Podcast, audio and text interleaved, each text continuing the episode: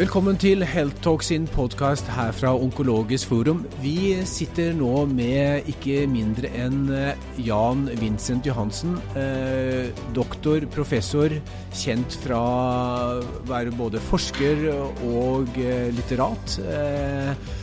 Du startet, Jan, med å etablere faktisk Onkologisk forum for hele 37 år tilbake.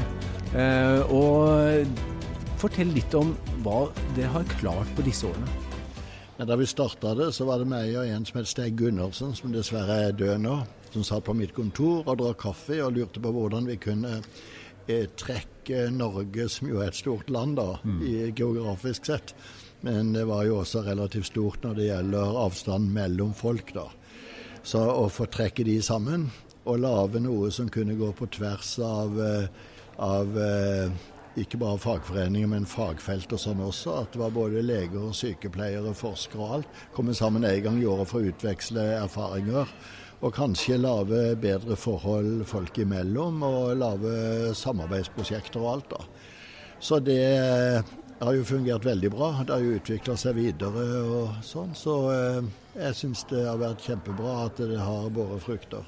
Nå sitter vi her i Tromsø, kikker utover eh, fjorden og ser Ishavskatedralen og, og, kan konstatere at eh, her er det over 400 delegater.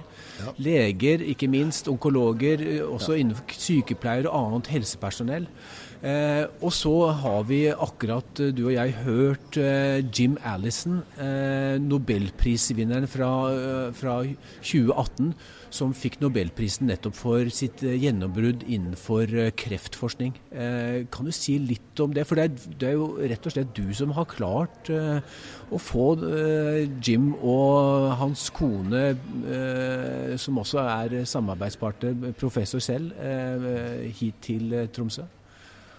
Ja, De to er jo helt glimrende på, både på samme felt og på hvert sitt felt. Så de har hver sin laboratorium, men jobber sammen også. Mm. Men som du sier, så er det jo ektepar òg. Og som de sa til meg, så var det jo bare det var jo, andre, det var jo ingen andre enn oss to som orka å snakke om T-celler og sånn hele døgnet, så da kunne vi jo like godt gifte oss. Og det har de da gjort, og eh, har jo et fantastisk godt forhold. Det ser jeg jo, for jeg har jo truffet de før i Houston og sånn. Jeg sa for tre år siden at jeg er sikker på at jeg får nobelprisen i år, men det fikk de ikke.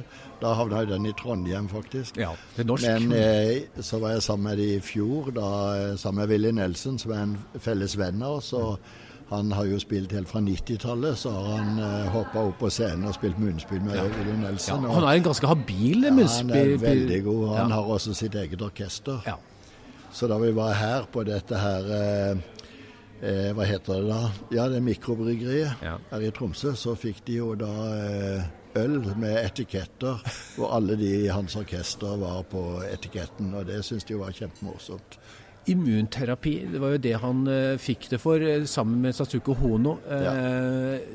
et, en en eh, altså, tiår med grunnforskning for nettopp å avdekke hva eh, Han hadde en teori om hva er det immunsystemet vårt kan bidra med for å bekjempe kreften. Kan du, eh, Vincent, Jan Vincent, dra litt gjennom hva er det som måte, denne forskningen har bidratt til? Ja, Det har jo bidratt enormt. særlig for de pasientene som er blitt helbreda, som mm. før ikke hadde noen sjanse. Hvis du tar med link melanom, altså underart av føflekksvulst med spredning, mm. Mm. så jo det, har jo det alltid vært en dødelig diagnose. Og hvor gjennomsnittlig overlevelse er vel syv måneder eller noe slikt. Og med den behandlingen som han har, og særlig den som er kombinert med han andre som fikk nobelprisen, mm. så er det jo nå opp i en overlevelse på 55, over 55 mm. Og eh, det er jo sånn at disse pasientene som har levd over fem år, og det er jo veldig mange etter hvert, de er sannsynligvis helbreda for godt. Mm. Så er jo da spørsmålet hvorfor er det 55% det virker på, og eh, hvorfor er det ikke flere? Og Der ligger det veldig mye forskning foran i løypa som må gjøres. Nemlig å finne biomarkører som kan si at den mm. pasienten den skal ha behandling, og den andre vil ikke hjelpe. Mm. Fordi at nå vet man jo først etterpå. Man prøver det ut, og så ser man hvilke det virker på. Mm. Og Det vil jo også si at det blir billigere. Det er jo veldig dyr behandling, dette her. Det jo, og det skal jo for å bli godtatt i Norge gjennom disse beslutningsforum og, og forskjellig. Og hvis det er at du må gi før så måtte du jo gi det, Hvis du bare tar det middelet som han har kjørt fra meg, ipilimumab, mm. så er det 20% som det har langtidsvirkning på, og som kanskje blir helbreda. Mm. Og Det vil si at du må da gi 100 stykker medisinen, og så må du se etterpå hvilke 20 var det det hjalp på. Mm. Mm. Og derfor Når man sier hva kostnaden er per behandling, så er den jo egentlig dyrere da, fordi at du må jo behandle 100 Eh, og kan ikke bare si hva det koster for de 20, da. Mm. For de andre får jo behandlingen som er like dyr. Mm. Og nå blir det da 50-50 ca., fordi at de kombinerer forskjellige typer behandlinger. Og eh, det som er eh, interessant også, det er jo at eh, altså det det går ut på den behandlingen hans Det var noen som sa at eh, dette CTLA4 det var noe som stimulerte disse T-cellene men han mente at det er det motsatte, at det var bremser. Mm. Og da fant han et antistoff som bandt seg til disse bremsene. Mm. Og du kan si eh, sparka foten av bremsepedalen, sånn at de gikk løs på, eh, på kreftcellene. Mm. Og det sa mange i begynnelsen, at dette her er jo ikke noe, og industrien ville ikke være med i, i, med i begynnelsen. Og det var jo også eh, kollegaene hans som sa at dette funker ikke. men det endelige beviset på at ting funker, det er jo at pasienter blir eh, friske, altså. Mm. Ja, ikke sant. Og, og, dette er jo en eh, egentlig en revolusjon innenfor kreftbehandling. Vi har jo hatt eh, operasjon i, i Altså, folk har blitt operert for kreft i tusenvis av år, faktisk. Eh, vi har stråleterapi, den kom i slutten av 1800-tallet. Og så har vi kjemoterapi, som kom eh, rett etter andre verdenskrig. Så, så, vi har tre modaliteter eller virkemidler, men nå kommer da, for, no, for, noen få år siden så kommer da den fjerde pilaren, som er immunterapi, eh, og som har da en voldsom effekt. For no, ikke for alle kreftformer, som du sier, men for en god del. Ja, altså Tidligere så var man jo veldig opptatt av dette med vaksiner. Altså Det er jo noen vaksiner som egentlig ikke virker på, eh, på kreften, men på det som kan forårsake kreften. Mm. En god venn av meg, Harald Sohausen, som har vært på Radiumhospitalet flere ganger, og som jeg har kjent i enda lengre tid enn disse, faktisk. Han eh, mente jo at eh, disse virusene i livmorhalsen, det var de som forårsaka kreften. Det var det heller ingen som trodde på. Og Første gang jeg inviterte han da jeg begynte som direktør på Radiumhospitalet, så sa han det var lett å invitere meg, for det var ikke så mange som inviterte meg og trodde på dette her. Men han holdt på hele tida, og det gjør jo nå at eh, barn eh, tar disse eh, vaksinegreiene mot, mot livmorhalskreft. Sånn at det gjelder det å tro på noe og holde ut og aldri gi opp. Og så viste det seg jo at dette her fungerte jo veldig bra. Men så er igjen spørsmålet dette med, med, bivirkninger. For jo flere sånne metoder, for det er flere man kombinerer nå, jo større er risikoen for at du får bivirkninger. Og det kan være alvorlige bivirkninger. At det kollaberer hele systemet. At disse her T-cellene som angriper kreftcellene, de blir så høye på seg selv de at de går løs på alt de ser, omtrent. Mm. Og da kan du få diabetes 1 og diaré og alt. og mm det som står foran oss nå også, det er å lære folk som kommer i kontakt med disse pasientene, til at hvis det de får en diaré eller en influensa, så er ikke det noe som går over. Da skal de gå med en gang til den som kan håndtere dette. Og Vi har nå samarbeidet i dagene vi har hatt sammen her, og reist rundt i Nord-Norge og hatt det veldig bra, veldig morsomt, veldig lave skuldre. Mm. Så har vi også diskutert eh, en sånn app som de utvikler, hvor du kan legge pasientdataene inn. Sånn at pasienten og legene kan egentlig komme inn veldig tidlig med å, å ta eh, bivirkningene. Mm, mm. Så det skjer mye på, på den sida. Som sagt, et av de viktige feltene nå det er å finne ut hvem skal ha behandling og hvem skal ikke ha behandling. Mm. Vi, du, du, har jo vært en, eh, en, kjent person, en foregangsmann innenfor kreftfeltet i mange, mange år her i, i Norge. Eh, og, og, du har eh, gjort eh, mye for kreftområdet. Hva, hvordan vil du karakterisere eh, norsk kreftforskning i dag, eh, Jan Vincent? Nei, det, det syns den er egentlig veldig bra. For vi er jo et lite land og få innbyggere, og egentlig ganske få som driver innen dette feltet. Mm. F.eks. Radiumhospitalet. Vi har jo bare en sånn 150 senger eller noe sånt. Eh, MD er jo mye større, mer enn ti ganger så svære som oss. Det er 20 000 ansatte som driver bare med kreft. Og et sted i Kina hvor jeg er professor, der har de liksom 10 000 senger. Men det er ikke størrelsen som alltid betyr så mye. Mm. Og det som disse har vist, da, og også Pam eh, Ellison, eh, i, i, som hun sa i foredraget i dag, det er jo at eh, du kan gjøre forsøk med relativt få pasienter og si er dette, ser det ut til å være riktig vei, mm. eller er det ikke mm. riktig vei. Mm. Og Da kan man være det i helt sånne grupper på 10-20 pasienter. Du trenger ikke ha 10 000, men de har vel 2000 sånne kliniske utprøvinger på gang i MD Andersen.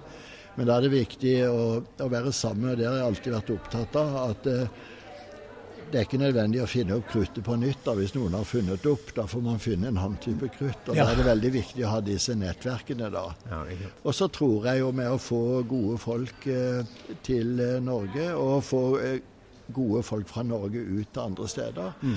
så er det viktig å jobbe med det nettverket. Og det som, er mye, det som jeg tror er veldig klokt, er at man blir kjent med folk på et personlig plan før de får nobelpris eller andre ting. Mm.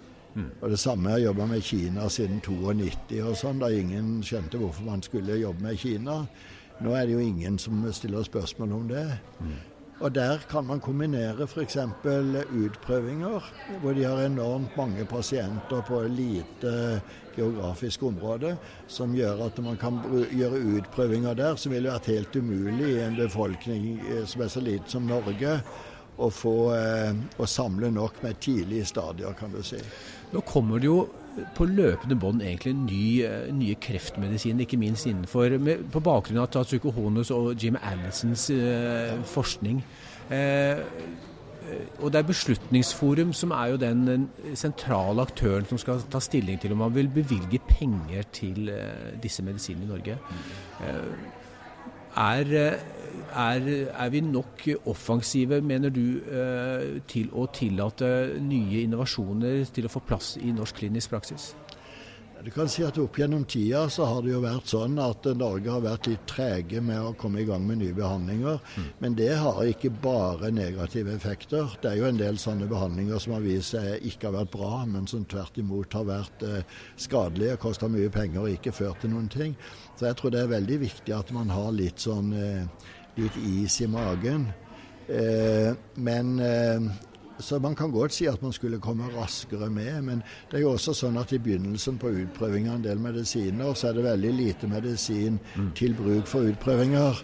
Og da er det veldig viktig at de er i klinisk kontrollerte for, eh, forløp, altså. Mm. At du kan se, bruke det for å finne ut har dette effekt eller har det ikke effekt, istedenfor å spre det rundt i øst og vest. Mm. Og så tror jeg at man må ha miljøer som, som, ligger i fronten og kan prøve ut i første omgang, og få større erfaring med det enn man vil hvis det, at det blir noen her og der. Mm -hmm. F.eks. hvis det opptrer eh, bivirkninger. Jeg husker i min tid hvor man fikk mye bråk med sånne stråleskader. Men det er jo fordi det var et system hvor, hvor man måtte betale såkalt gjestepasientpenger for å ha eh, de liggende f.eks. på Radiumhospitalet Rikshospitalet og sånn. Og det gjorde jo at pasientene ble tvunget, og vi ble tvunget til å sende de rundt forbi landet hvor de ble kontrollert. Og hvis det, er det er f.eks. en bivirkning som man vet opptrer av og til, så vil man ikke vite er dette 20% mens det skulle vært 10 mm. hvis de ikke har vært igjennom samme kontrollsystemet. Så det er litt sånn man må, må tenke på også. Og så er det det at man må prøve å få, eh, få til eh, et system hvor leger rundt forbi, som kanskje ikke har dette helt som hovedfelt, blir eh, oppdatert. Og vi, vi driver i Radiumhospitalets legater, så, som jeg driver med, da. Der har vi jo flere ting. Vi har noe som heter Onkolex, som vi starta i sin tid sammen med en professor Håvard Danielsen, som skal snakke her i morgen. Mm. Og det var for at eh, leger, samme hvor det var i Norge, så kunne de gå inn der og så kunne de se hva som var eh, gullstandarden for forskjellige diagnostiske metoder og for behandling. Og så lagde vi det sammen med MD Andersen også, på engelsk. Det heter oncolegs.org. Eh, mm.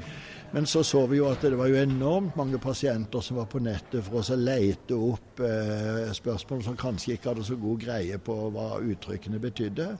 Så da starta vi noe som heter Kreftleks, som også er de mm. legater som finansierer fullt ut. Mm. Og der vanlige folk kan gå inn og se på hva er riktig behandling her og der. Og da kan de også eh, stille kreftleks kan du si, på nettet, som selvfølgelig alltid vil gjøre gratis. Da kan de stille spørsmål til kreftleks, kan du si som de kanskje ikke ville gjort til en lege som er travel osv. Og, så mm. og så kan de også være bedre forberedt til å møte legen og så si at det står der og der, istedenfor å leite rundt på nettet, for der er det jo millioner av artikler, og hvor mange av de er bra, men veldig mange er helt eh, livsfarlige og ubrukelige. og da da stamper de kanskje huset sitt og alt som fins, for å prøve en, utprøv, en eh, behandling som ikke har noen effekt. Ja, Du har jo alltid vært opptatt av pasienten. Eh, ja. Og, og, og det, det, er jo et veldig vanskelig og komplekst tema, det å forstå disse typer behandlingene. Så, så hvilke råd vil du gi til pasienter som, som, som har fått en uh, diagnose, kreftdiagnose, kan, la oss si det er lungekreft eller føflekkreft. Uh, hvordan er det de skal sette seg inn i sin egen sykdom, og hvilke behandlingsmuligheter som finnes? Jeg tror For det første så tror jeg at alle som får en, eh, en, så alvorlig prognose at de med stor sannsynlighet, eller nesten helt sikkert, kommer til å dø, så mener at de bør ha krav på en second opinion hos andre. Mm. Og de som har hatt de først, de må ikke føle det som noe nederlag at de også spør noen andre. Veldig ofte så får de jo bekrefta det som den første legen de har vært i kontakt med, sier. Av og til så er det kanskje et ansvar, og da kan de diskutere det åpent. For pasienter er jo sånn at de er jo veldig redde. Jeg har jo med pasienter nesten hele tida å gjøre, selv om jeg ikke har, er noen sånn superekspert på noe å følge opp. Men jeg finner stort sett folk de kan de kan snakke med, altså. Ja, Rettlede til riktig person. Ja, rettlede til riktig person eller mm. riktig institusjon. Ja. og Det viser jo at det er mange pasienter som vi har behandla på Radiumhospitalet. Om det hadde vært Radium eller Tromsø eller Bergen, det har ikke så mye med saken å gjøre. Mm. Men mange pasienter som får like god behandling her, og som ikke er nødvendig at de reiser ut i verden for å bruke pengene sine. Mm. mm. Og vi har også et kontaktnett med MD Andersen, med tyske institusjoner, med Memorial Sloan Kettering i New York, med Columbia University rundt forbi, hvor vi kan sende dem. Men, men da må de betale det selv. Mm. Men hvis det, er, det er metoder eh, til å behandle pasienter som er så sjeldne at man ikke får nok erfaring i Norge, så mener jeg at da må man ha det systemet man har nå. Mm.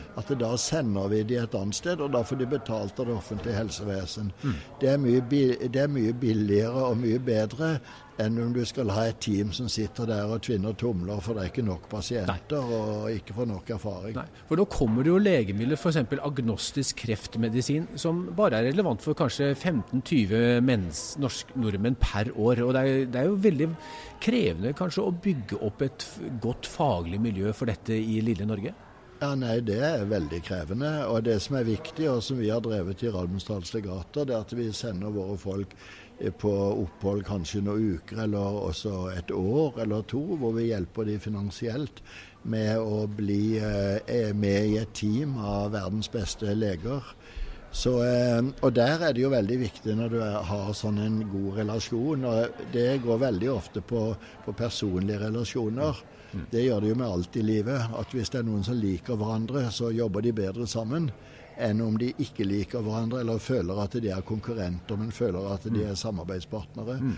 Så det tror jeg har vært veldig viktig, og vi har finansiert eh, eh leie av leiligheter Oxford, Cambridge, New York rundt forbi, hvor de eh, da kan eh, komme inn. Av og til så er det liksom en sånn stafett, så at den ene reiser og den andre flytter inn. Mm. Og da kommer de i gang med forskningen med en gang, for da får de vite at det der er skolen som ungen din skal gå på her. Der er barnehaven, der er butikkene, det er det, sånn at de kan konsentrere seg om forskning med en gang. Mm. Så jeg tror dette her med å ha sånne, et sånn nettverk hvor man også hjelper med praktiske ting, det tror jeg er kjempeviktig. Mm. Og vi har også det samme i Norge, hvor vi har en del forskerleiligheter som enten eies eller leies av Radiumhospitalets legater, og også andre legater eh, som jeg driver på med. Sånn at eh, de kan bo, og gjerne bo i nærheten av sykehus eller forskningsmiljø, og ikke må reise liksom til eh, Drøbak frem og tilbake. Mm, mm. Onkologisk forum, eh, vi er på første dag i, i dag. Fire, over 400 delegater. Er du stolt over det du har fått til med dette forumet? Nei, altså. Jeg vet ikke om stolt er riktig. altså Det høres ut som kokettering når jeg sier at det er veldig sjelden jeg er stolt over noe. Men det er jo veldig ofte at jeg er fornøyd med noe. Og jeg er veldig fornøyd med den utvikling som har vært. Ja. Og jeg har jo ikke noe med dette å gjøre nå, så det går jo helt på sin egen maskin. Mm. Og er vel også eh, sånn i disse sammenhengene med Jim Ellison og forskjellig, så er vel jeg mer sånn eh, entreprenør og mm. knytter folk sammen. Mm. Og, og, så la det utvikle seg naturlig selv, da, uten at jeg sitter og, og styrer med det hele tida. Mm. Så når det begynner å komme over mer i mindre ledelse og mindre i å være entreprenørskap og mer administrasjon, ja. da er det jo folk som er mye bedre ja. enn meg. Ja. Vincent Johannessen, det var veldig spennende å ha deg i podkaststudioet vårt. Eh, vi gleder oss til resten av eh, dette eh, viktige seminaret. Takk skal du ha.